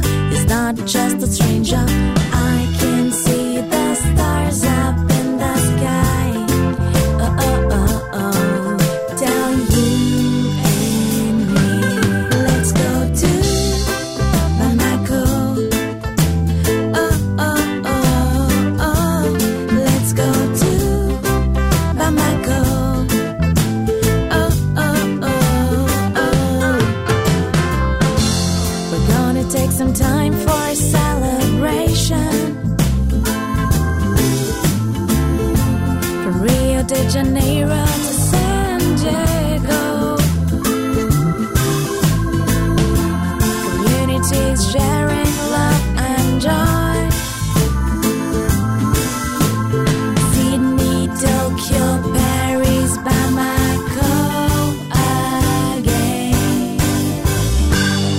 Let's go to Bamako. Het is de Malinese zangeres Ina Modja die jij kent van dat eh, project Great Green Wall, waar je zo net al over sprak, hè, Jill Peters. Ehm, ben jij 46? Ja. Heb ik juist geteld? Wat zou jij echt nog willen in het leven? Wat heb jij gemist tot nog toe? Ehm, wat ik gemist heb in mijn leven, dat zijn ehm, vriendinnen om mee, om mee op café te gaan. Ja. Ja? Ik heb dat nooit gehad. Pff, Er zullen ongetwijfeld veel redenen voor zijn. Ik hoorde eh, vorige week nog Lieve Blankaart spreken hier eh, in jouw programma, eh, Friedel. Dat ze zei van ja, die tijd is voorbij dat ik mijn vrienden op café ga zoeken. En dan denk ik, oh, had ik maar zo'n een periode gehad. Ehm, ik, heb, ja, ik, ik heb zo geen vriendinnen om mee op café te gaan. Ik ben iemand die altijd veel vriend, mannelijke vrienden rondom mij heeft gehad. Nog. Hè. Ik, heb, ik heb echt goede vrienden. En ik vind dat fantastisch, maar ik mis zo... Ik zeg niet dat ik geen vriendinnen heb, want die eh, lieve vriendinnen die nu luisteren en zeggen van zeg, maar dat is zo... Ja, de, dat op café gaan en... De hartsvriendin, is het dat? Dat heb ik niet. Ehm, dat heb ik niet. En ook niet een hoop vrienden waarmee dat je dan op café gaat en dat je stoemelings kunt tegenkomen en tot een kot in de nacht, god weet wat. Misschien romantiseer ik dat ook, hè. Maar ik heb dat nooit gehad. En ik had dat wel graag gehad. Dus als je mij vraagt, wat wil je nog? Ik, ik wil zo... Heb je daar dan geen tijd voor gemaakt? Of, of weet je Het hoe zijn dat komt? verschillende stappen. Ehm, als ik mocht, eh, vond ik, eh, mama, nooit uitgaan. Ik mocht dat niet. Dus, dus ja, dat was niet. Ik moest ook, als ik dan wegging, moest ik heel vroeg thuis zijn. Ik was dan zo'n beetje de seut. Ik werd ook vroeger gepest. En, en, en, en dat was zo... Ik, ja, dat was niet cool. En, en, dus ik had niet dat. Dus geen sociaal leven in mijn tienerjaren. Dan op mijn 18 ligde daar dan een jaar plat. Hè. Dus ook in Leuven is dat zo'n beetje moeilijk op gang gekomen, dat studentenleven. Ik ben dan wel prezes geworden, maar dat was dan ook zo niet van onderuit. Hè. Dat was dan zo... Ja, dat, dat daar een community of een hoop vrienden. Ik heb ook niemand van de lagere school overgehouden, maar ik ben dan ook weer veranderd van school. Ik heb ook niemand van humaniora op eentje nagehouden. Ook van de universiteit is er ook zomaar één blijven hangen. Dus dat is heel raar. Dat, dat, daar blijft zo nooit iets hangen, precies. En ik zou heel graag ja, dan bij VTM werken s'avonds, want wij waren s'avonds nog op antenne. En ook geen sociaal leven eigenlijk. Eh, ja, dat, dat is toch zo'n dingetje. Ik ben heel trots op de, de oudste dochter bijvoorbeeld. Allee, op alle drie de dochters, maar de oudste die, die heeft zo een, een groep vriendinnen waarmee ze heel erg aan elkaar hangen en die gaan door dik en dun, die hoop meiden. En ik vind dat zo, die kracht van vrouwen onder, ondereen, daar... Jaloers is een groot woord. Ik ben trots dat mijn dochter dat heeft. En ik voel door dat te zien wat ik altijd gemist heb. Zijn jouw dochters vriendinnen van jou? Zie je dat zo? Nee, ik zie dat zo niet. Ik, ik, ik zou me daar een beetje niet comfortabel mee voelen als ik zou zeggen mijn, mijn drie dochters zijn mijn beste vriendinnen. Ik, ik vind het oké om, om mama te zijn en om omstandig. Ik denk als moeder, zo zie ik het althans, dat je omstandigheden probeert te creëren waarbinnen die kinderen tot hun recht komen, tot hun betere versie van zichzelf kunnen uitgroeien. En dat is met van alles en nog wat, maar dat hoort erbij. Hè? Met tegenslagen, met pijn, maar met, met, met ook successen en, en met twijfels en met vragen. En dat is het ook. En er hoeft geen eindpunt te zijn. Het is het en route zijn, het is het, de levensweg die je aflegt, die maakt wie dat je bent. En, en ik hoop dat als mama te zijn. Ik, ik weet niet dat ik dat is ook met, met de leeftijd verandert ook die, die band dat je hebt met kinderen. Ik heb met mijn jongste dochter onlangs nog een gesprek gehad. En ehm, zij, ehm, zij zei ook van, ja, ik, ik heb wel die relatie tussen mij en mijn oudste zien veranderen sinds ze is gaan studeren in Leuven en zo. En ik voel dat ook en ik, ik, ik, ik geniet daar ook van. En ehm, ik wil daar altijd dan gesprekken over voeren. En dan hebben de dochters zoiets van, zeg mama, jij altijd met je, met je gesprekken. Maar ja, ik, ik, ik wil dat zien. Wat doet dat met hen, leven? Want wij hebben hen wel hè, dat leven geschonken. Wat doet dat nu met hen en wat maken zij daarvan? En, en met wat zijn zij bezig? Ik vind dat zo fascinerend. Ik zou veel meer willen praten met mijn, mijn dochters. Maar dan denken ze zo van, ja... Komt misschien nog. Komt misschien Ja, nog. voilà. Ik sta ervoor open. Ik heb nog één nummer van Sting, Spread a Little Happiness. Volgens mij is dat jouw boodschap, Jill Peters, op Ja. deze zondag. Laten we dat doen, hè. Ja.